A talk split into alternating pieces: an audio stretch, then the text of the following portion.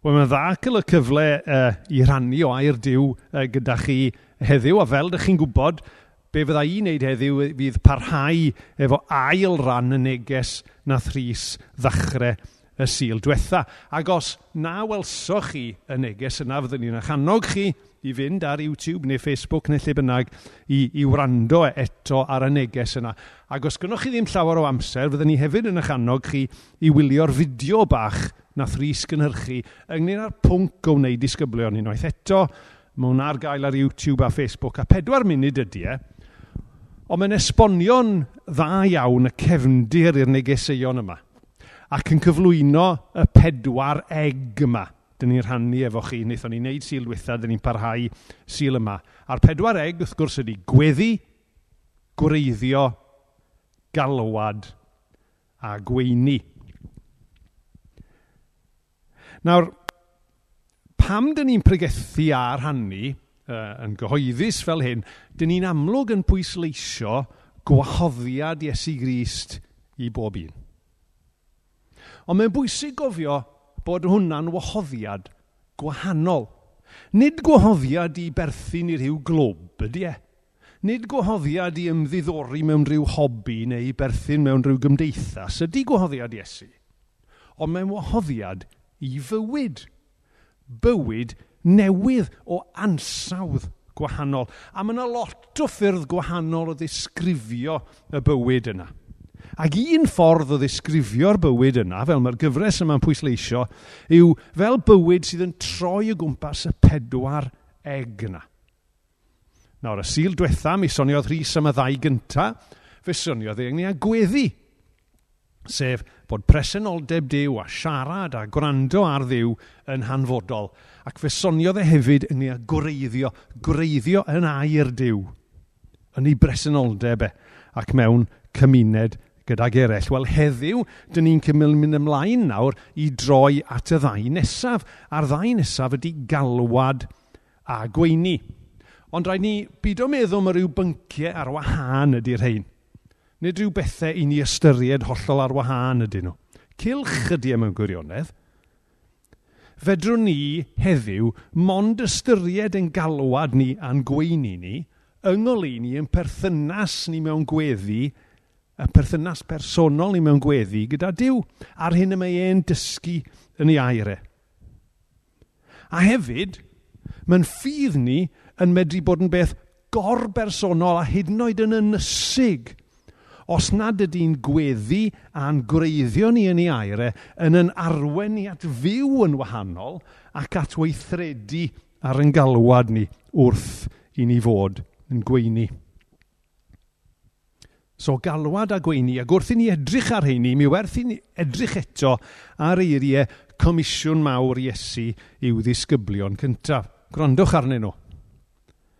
Felly, ewch i wneud pobl o bob gwlad yn ddisgyblion i mi, a'i bydyddio nhw fel arwydd ei bod nhw wedi dod i berthynas a'r tad, a'r mab, a'r ysbryd glân, a dysgwch nhw i wneud popeth dwi wedi ddeud wrtho chi. Felly, mae'n dechrau efo'r gwahoddiad personol neu i ymateb a dod i gredu, ond cychwyn ydy hwnna. Mae'n golygu bywyd newydd a gwahanol, a mae llythyr Iagon yn atgoffa ni o un peth sydd i fod yn wir am y bywyd yna, sef i fuddod. Mae Iago 1.22 yn deud, Gwnewch beth mae Dyw yn ei ddweud yn lle dim ond clywed y neges a gwneud dim wedyn. So dewch i ni edrych ar y ddau bwynt yna gyda'n gilydd a edrych yn gyntaf ar galwad. Bod pwrpas gan ddiw i bawb ac y dylen ni helpu'n gilydd i adnabod doniau a'i datblygu. Nawr mae pwrpas yn bwysig. Dewch i ni fod yn onest, dyn ni gyd eisiau gwybod be dyn ni'n da. Wel, y newyddion i chi a fi y bore yma yw, os ydyn ni eisiau canfod pwy ydyn ni, mae'n rhaid i ni ddod at ddiw yn gyntaf. Fyddwch chi'n gwybod o bosib bod fi newydd athlu uh, pen blwydd uh, reit ar y cael a dwi'n blentyn y 60au a'r 70au. Ac un o'r perfformwyr o'n i wrth y modd yn gwrando arno fe yn y cyfnod uh, diwedd y 70au a'r 80au o dyn yr enw Bryn Hewyth.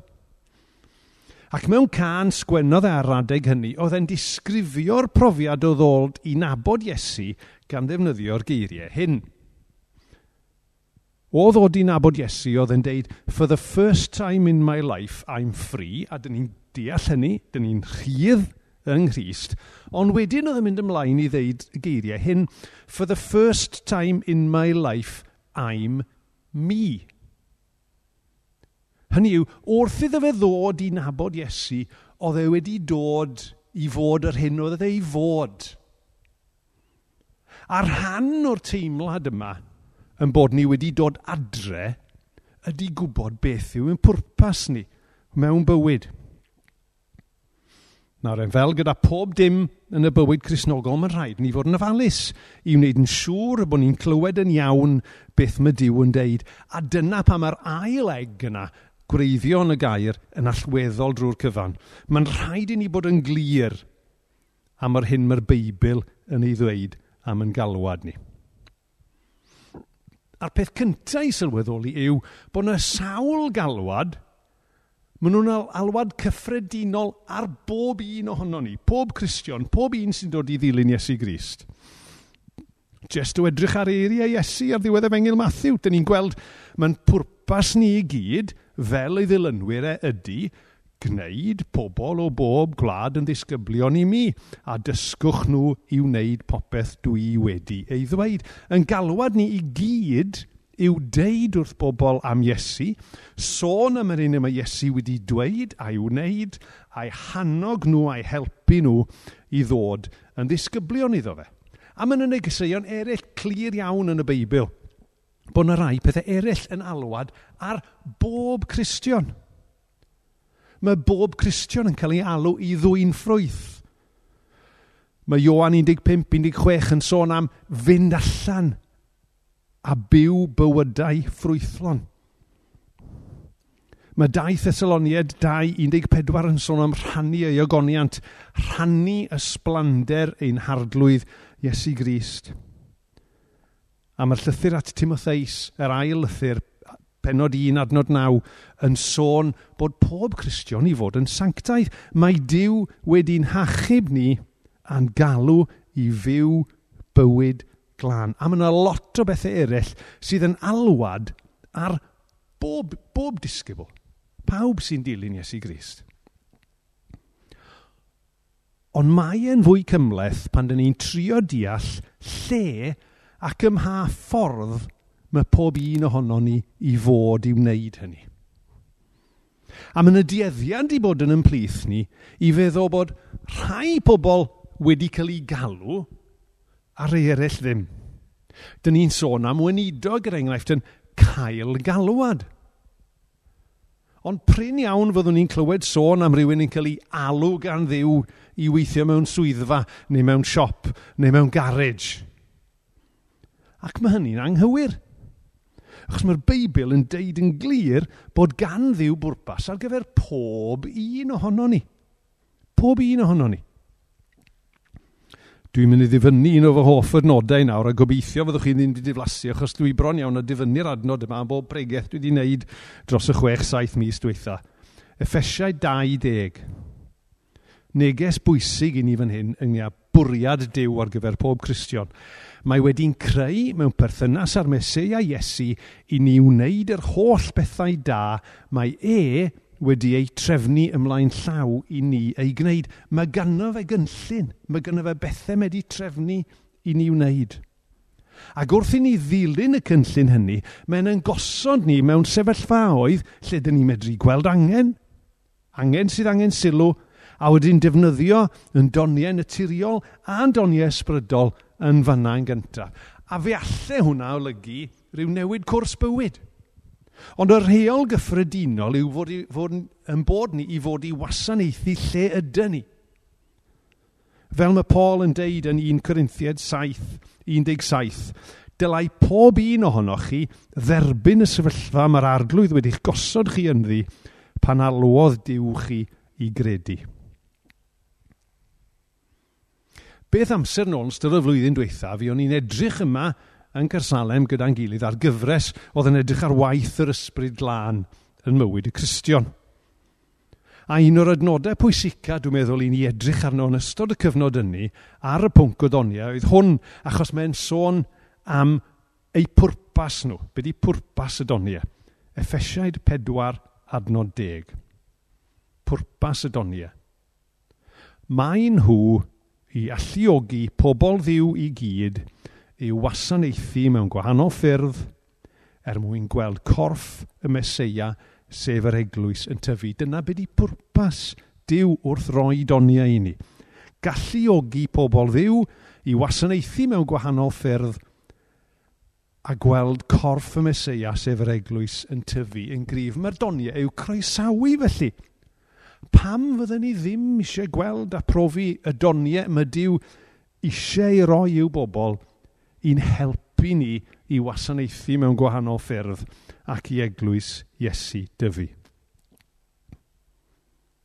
Felly mae Dyw yn rhoi doniau i bawb sy'n ei ddilyn. A pwrpas y doniau hynny yw nid wneud i ni edrych yn dda neu'n glyfar neu'n ddawnus, ond i wasanaethu pobl eraill ac adeiladu'r eglwys. A diw ei hun sy'n rhannu'r doniau yna. Y Paul eto yn deud yn 1 Corinthiad 12, 5 i 7.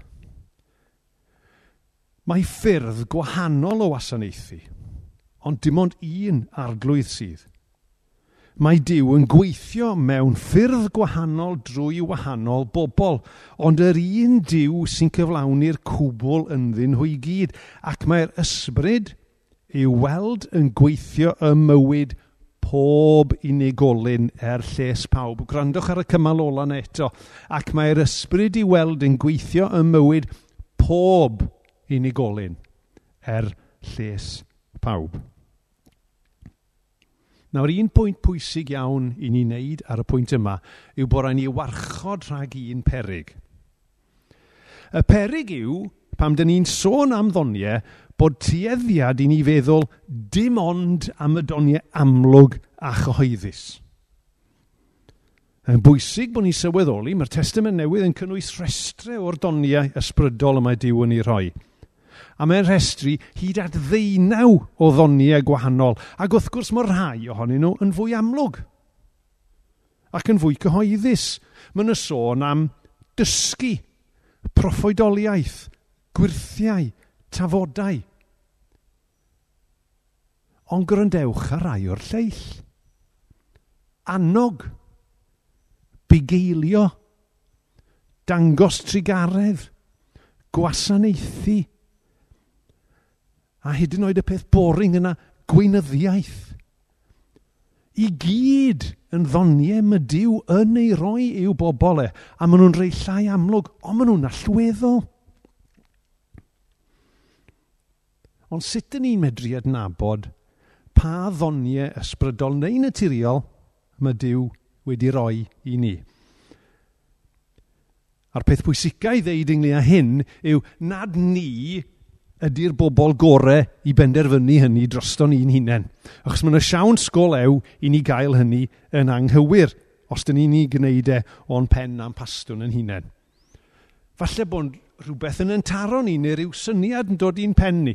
Nawr ei enghraifft i chi. Okay. Dwedwch yr enghraifft nawr bod fi'n teimlo dros gyfnod o wsnosau um, mod i wedi cael y ddawn o gyfleu yr efengil trwy ddawns creadigol. Okay? Mae'n siŵr bydd rhai sy'n nabod fi'n chwerthu'n adre nawr. Okay? Bod fi'n teimlo bod fi wedi cael y ddawn i rannu'r efengil trwy ddawns creadigol. Nawr en, mae unrhyw un sydd yn nabod fi yn mynd i fod yn sgrichian ar y sgrin nawr yn deud, na, paid. Dwi ti ddim wedi cael y ddawn Dim ots pa mor grif wyt ti'n teimlo'r beth, dyw'r ddawn yna ddim gen ti. Hwna'n esiampl onest, ond y gwir yw, pan dyn ni'n sôn am fi yn nabod fy noniau hun, I'm not to be trusted. Ddim ar fy mhen fy hun, a dyna pam. Mae'r eglwys ar hyd y blynyddoedd wedi arfer trefn lle mae pobl ddiw gyda'i gilydd, yr eglwys, yn adnabod y doniau ysbrydol a naturiol mae Dyw wedi roi i rywun o'i plith. A mae hynny'n weithiau'n amlwg iawn, ond weithiau mae'n cymryd amser. Ond mae'n bwysig iawn bod hynny'n digwydd. Mae Dyw wedi galw pob un ohono ni sy'n ei ddilyn e, i wneud pethau penodol, ac wrth yn galw ni, mae wedi ein donio ni gyda doniau naturiol ac ysbrydol er mwyn gwneud y pethau hynny. Beth am i bob un ohono ni fod yn meddwl ac yn gweddio nawr, beth yw galwad Dyw arna i? Pa ddoniau y gall e fod wedi ei roi neu i fod yn dymuno ei roi i mi. Ac os oes pethau fel yna'n dechrau'n taro ni, beth am drafod hwnna? Trafod e efo rhys, trafod e efo rhywun o'r tîm arwain, trafod e os ydych chi'n aelod o grŵp cymuned, trafodwch efo rhywun yn eich grŵp cymuned, trafodwch efo arweinydd y grŵp cymuned, er mwyn i ni ddechrau ar y broses yna o adnabod pa ddawn y mydyw wedi roi i chi gan gofio mae pwrpas nhw ydy gwasanaethu'r eglwys ac adeil, gwasanaethu eraill ac adeiladu corff Crist er mwyn i ni ddefnyddio'r dawn hynny o fewn yr eglwys.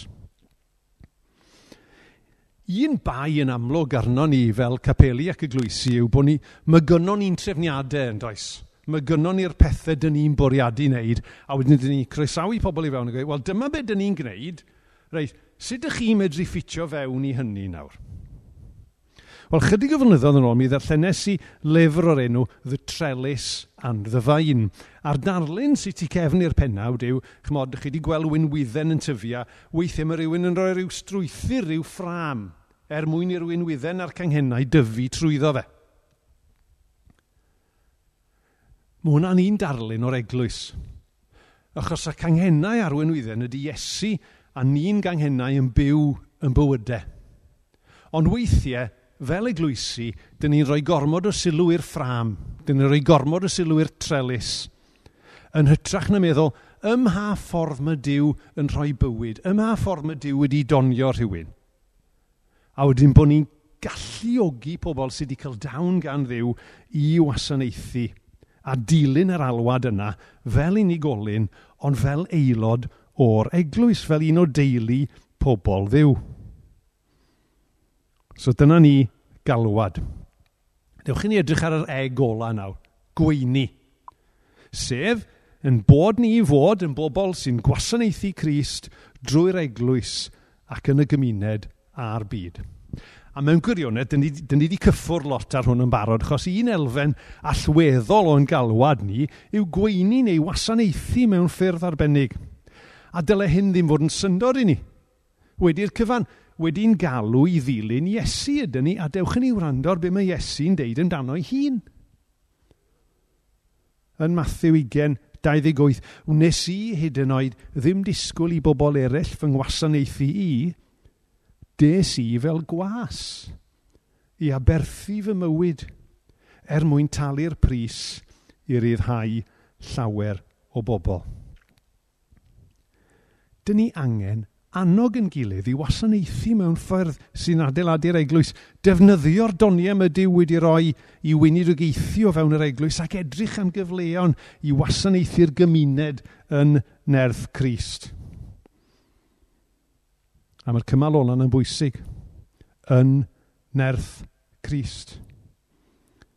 Grandwch ar un Pedr pedwar, adnod deg.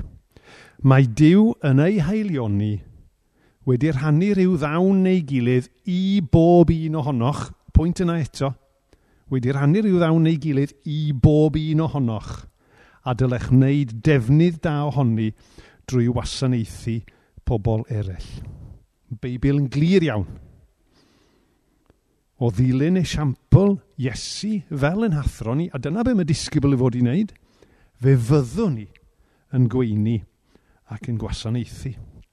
A mae gair diw yn rhoi lot o enghreifftiau ni o sut ni medru gwneud hynny. Mae yna sôn am fod yn groesawgar i rai diethyr. Mae Hebreaid 13.2 yn dweud, peidiwch stopio'r arfer roi croeso i bobl ddiethyr yn eich cartrefi. Cofio'r rhai sy'n mewn carchar a rhai sydd yn glawd. Chi'n gofio Iesu Grist yn gofyn, yn, yn dweud, da iawn os ydych chi wedi gofalu am y bobl mewn carchar a gofalu am y tlawd, a wedyn y disgyblion yn dweud, dyn ni rioed wedi gweld ti mewn carchar ac yn tlawd. A wedyn fe'n dweud, credwch chi fi, pan wnaethoch chi helpu'r person lleiaf pwysig sy'n perthyn i mi, gwnaethoch fy helpu i. A gofal yn blant. Be wedodd Iesu? yn Matthew 18, adnod 5. Mae pob bynnag sy'n rhoi croeso i blentyn bach fel yma am ei fod yn perthyn i mi, yn rhoi croeso i mi. Mae'n deud lot yna sut dyn ni fod i fyw o fewn y gymdeithas yma, o fewn y byd yma, dyn ni'n byw yna fe. A mae hwnna'n batrwm i bobl ddiw ar hyd yr oesoedd. Os ewn ni nôl i lyfr Jeremia, dyn ni'n darllen ar adnodau yma yn penod 29, adnod 7. Dyw yn siarad efo bobl e, sydd wedi cael eu cludo i wlad bell gan bobl oedden ei gorthrymu nhw. A mae'n deud wrthyn nhw, gweithiwch dros heddwch a llwyddiant y ddinas lle dwi wedi mynd â chi'n gaeth. Gweddiwch ar yr arglwydd drosti ei llwyddiant hi fydd eich llwyddiant chi. Ac mae hynny'n neges amserol iawn i chi a fi. Dyn ni'n byw ar adeg lle mae gynnon ni lai a lai o ffydd yn y cymdeithas ni, lai a lai o ffydd yn y llywodraethau ni. Dyn ni fod i weddio dros nhw. Dyn ni fod i wasanaethu yng nghanol hynny. Dyna oedd neges diw i'r bobl oedd yn y geithglid a dyna neges diw i ni hefyd. wrth feddwl am wasanaethu a gweini, dewch i ni fod yna yn astar wahanu unrhyw beth arall. Dewch i ni fod yn ymarferol a gofyn i ni hunain. Os dyn ni ddim yn gweini ac yn gwasanaethu lle dyn ni'n gweld angen, sut y fedrwn ni ddisgwyl i bobl wrando arno ni? Ond mae patrwm y Beibl yn hollol wahanol. Yn aml iawn, pan dyn ni'n sôn ynglyn â rhannu efo pobl ynglyn â Iesu Grist, dyn ni licio difynnu adnod yn llythyr cyntaf Pedr. 1 Pedr 3 adnod 15, mae'n adnod gyfarwydd iawn. Byddwch barod bob amser i roi ateb i bwy bynnag sy'n gofyn i chi esbonio beth ydy'r gobaith sydd gynnwch chi. A dyn, ie, mae hwnna'n dysgu ni bod ni fod i ddeud wrth bobl ynglyn â Iesu Grist. Ond sylwch eto ar yr adnod. Dwi e ddim jyst yn sôn am ddeud wrth bobl am Iesu. Mae'n y neges dyfnach yma, achos y patrwm sydd fan hyn ydy bod pobl diw yn byw yn wahanol. Mae pobl eraill yn edrych ar y ffordd mae pobl diw yn byw, a maen nhw gweud, hang on, mae yna rhywbeth gwahanol am y bobl yma. Mae yna obaith yna. Ac oherwydd bod nhw'n gweld hynny, maen nhw'n gofyn. A pan maen nhw'n gofyn, mae pobl ddiw yn cael deud. Dyna di'r patrwm. Byw yn wahanol, gweini, gwasanaethu, dangos gobaith, rhannu cariad, a wedyn pobl yn gofyn i ni. A wedyn ni wedyn yn barod i roi ateb i bwy bynnag sy'n gofyn am beth ydy'r gobaith sydd gynnon ni. So dyna'r ddau eg ola. Dyna ni di'ch dychryn chi Di'r darlun yma o fywyd disgybl chydig bach yn sgeri. Cofiwch bod yr un sy'n eich galw chi a fi i fod yn ddisgyblion yn arglwydd sydd yn nabod ni ac yn yn caru ni. Ac mae'n cynnig nerthu ni i ni fedru ei ddilyn e. Grandwch ar Llythyr Cyntaf Pedr, penod pedwar, adnod 11 dylai pwy bynnag sy'n gwasanaethu pobl eraill wneud hynny gyda'r nerth mae Dyw yn ei roi. Mae e am i ni ddilyn e yn ei nerth e. Nid yn y nerth yn hunain. A cofiwch hefyd, mae'r agwedd gorau o gael yw bod yn ymwybodol o'n gwendid ni, ond yn ymwybodol hefyd o'i nerth e. Fel mae Paul eto'n deud yn ei ail lythyr at y Corinthiad, penod 12 adnod naw, mae fy heilioni i, neu fy ngras i, yn ddigon i ti. Mae fy nerth i yn gweithio orau mewn gwendid. Felly dyna ni. Gweddi, gwreiddio, galwad, gweini disgrifiad o fywyd disgybl a rhythm ar ein cyfer ni fel aelodau. Dyna'r bywyd y mae Iesu wedi'n gwachodd ni iddo fe. Dyna'r bywyd mae Iesu yn ein gwachodd ni iddo fe. Ac mae'r bywyd hwnnw yng nghwmni ac yn nerth arglwydd sy'n yn caru ni gymaint nes iddo fe farw drosto ni, fel y byddwn ni'n cofio o'r ffwrdd cymyn mewn munud. Ac mae'n yn caru ni gymaint ei fod e am i ni brofi bywyd llawn gwerthfawr, heriol a chyffroes. Dewch i ni weddio. O arglwydd dad, ni'n diolch i ti am yr alwad yma, y gwahoddiad yma ti'n rhoi i ni, i ni fod yn ddisgyblion i ti. y gwahoddiad yma i ni ddod i siarad gyda ti a dynabod ni'n bersonol drwy weddi. Y gwahoddiad yma i ni ddod i wybod mwy am dy gynllun di drwy'r gair. Am y gwahoddiad yma i ni sylweddoli'r alwad wyt ti'n gwneud ar yn bywydau ni am y gwahoddiad yma i ni weini a gwasanaethu yn dy nerth di ac ar dy rand di ac arglwydd pan dyn ni'n meddwl am hynny, dyn ni'n teimlo yn anigonol. Dyn ni'n teimlo bod ni ddim yn ddigon da, ac wrth gwrs tydyn ni ddim. Ond lle dyn ni'n wan rwy ti'n gryf. Lle dyn ni'n ddryslyd rwy ti'n glir. Felly helpa ni arglwydd. Helpa ni. I feddwl am y pethau yma. I roi'r pethau yma ar waith yn ein bywydau ni er mwyn adeiladu dy deyrnas di. Er mwyn ymestyn dy deyrnas di yn ein plith ni, yn ein tref ni, yn ein pentre ni, yn ein hardal ni, yn ein gwlad ni, yn ein byd ni.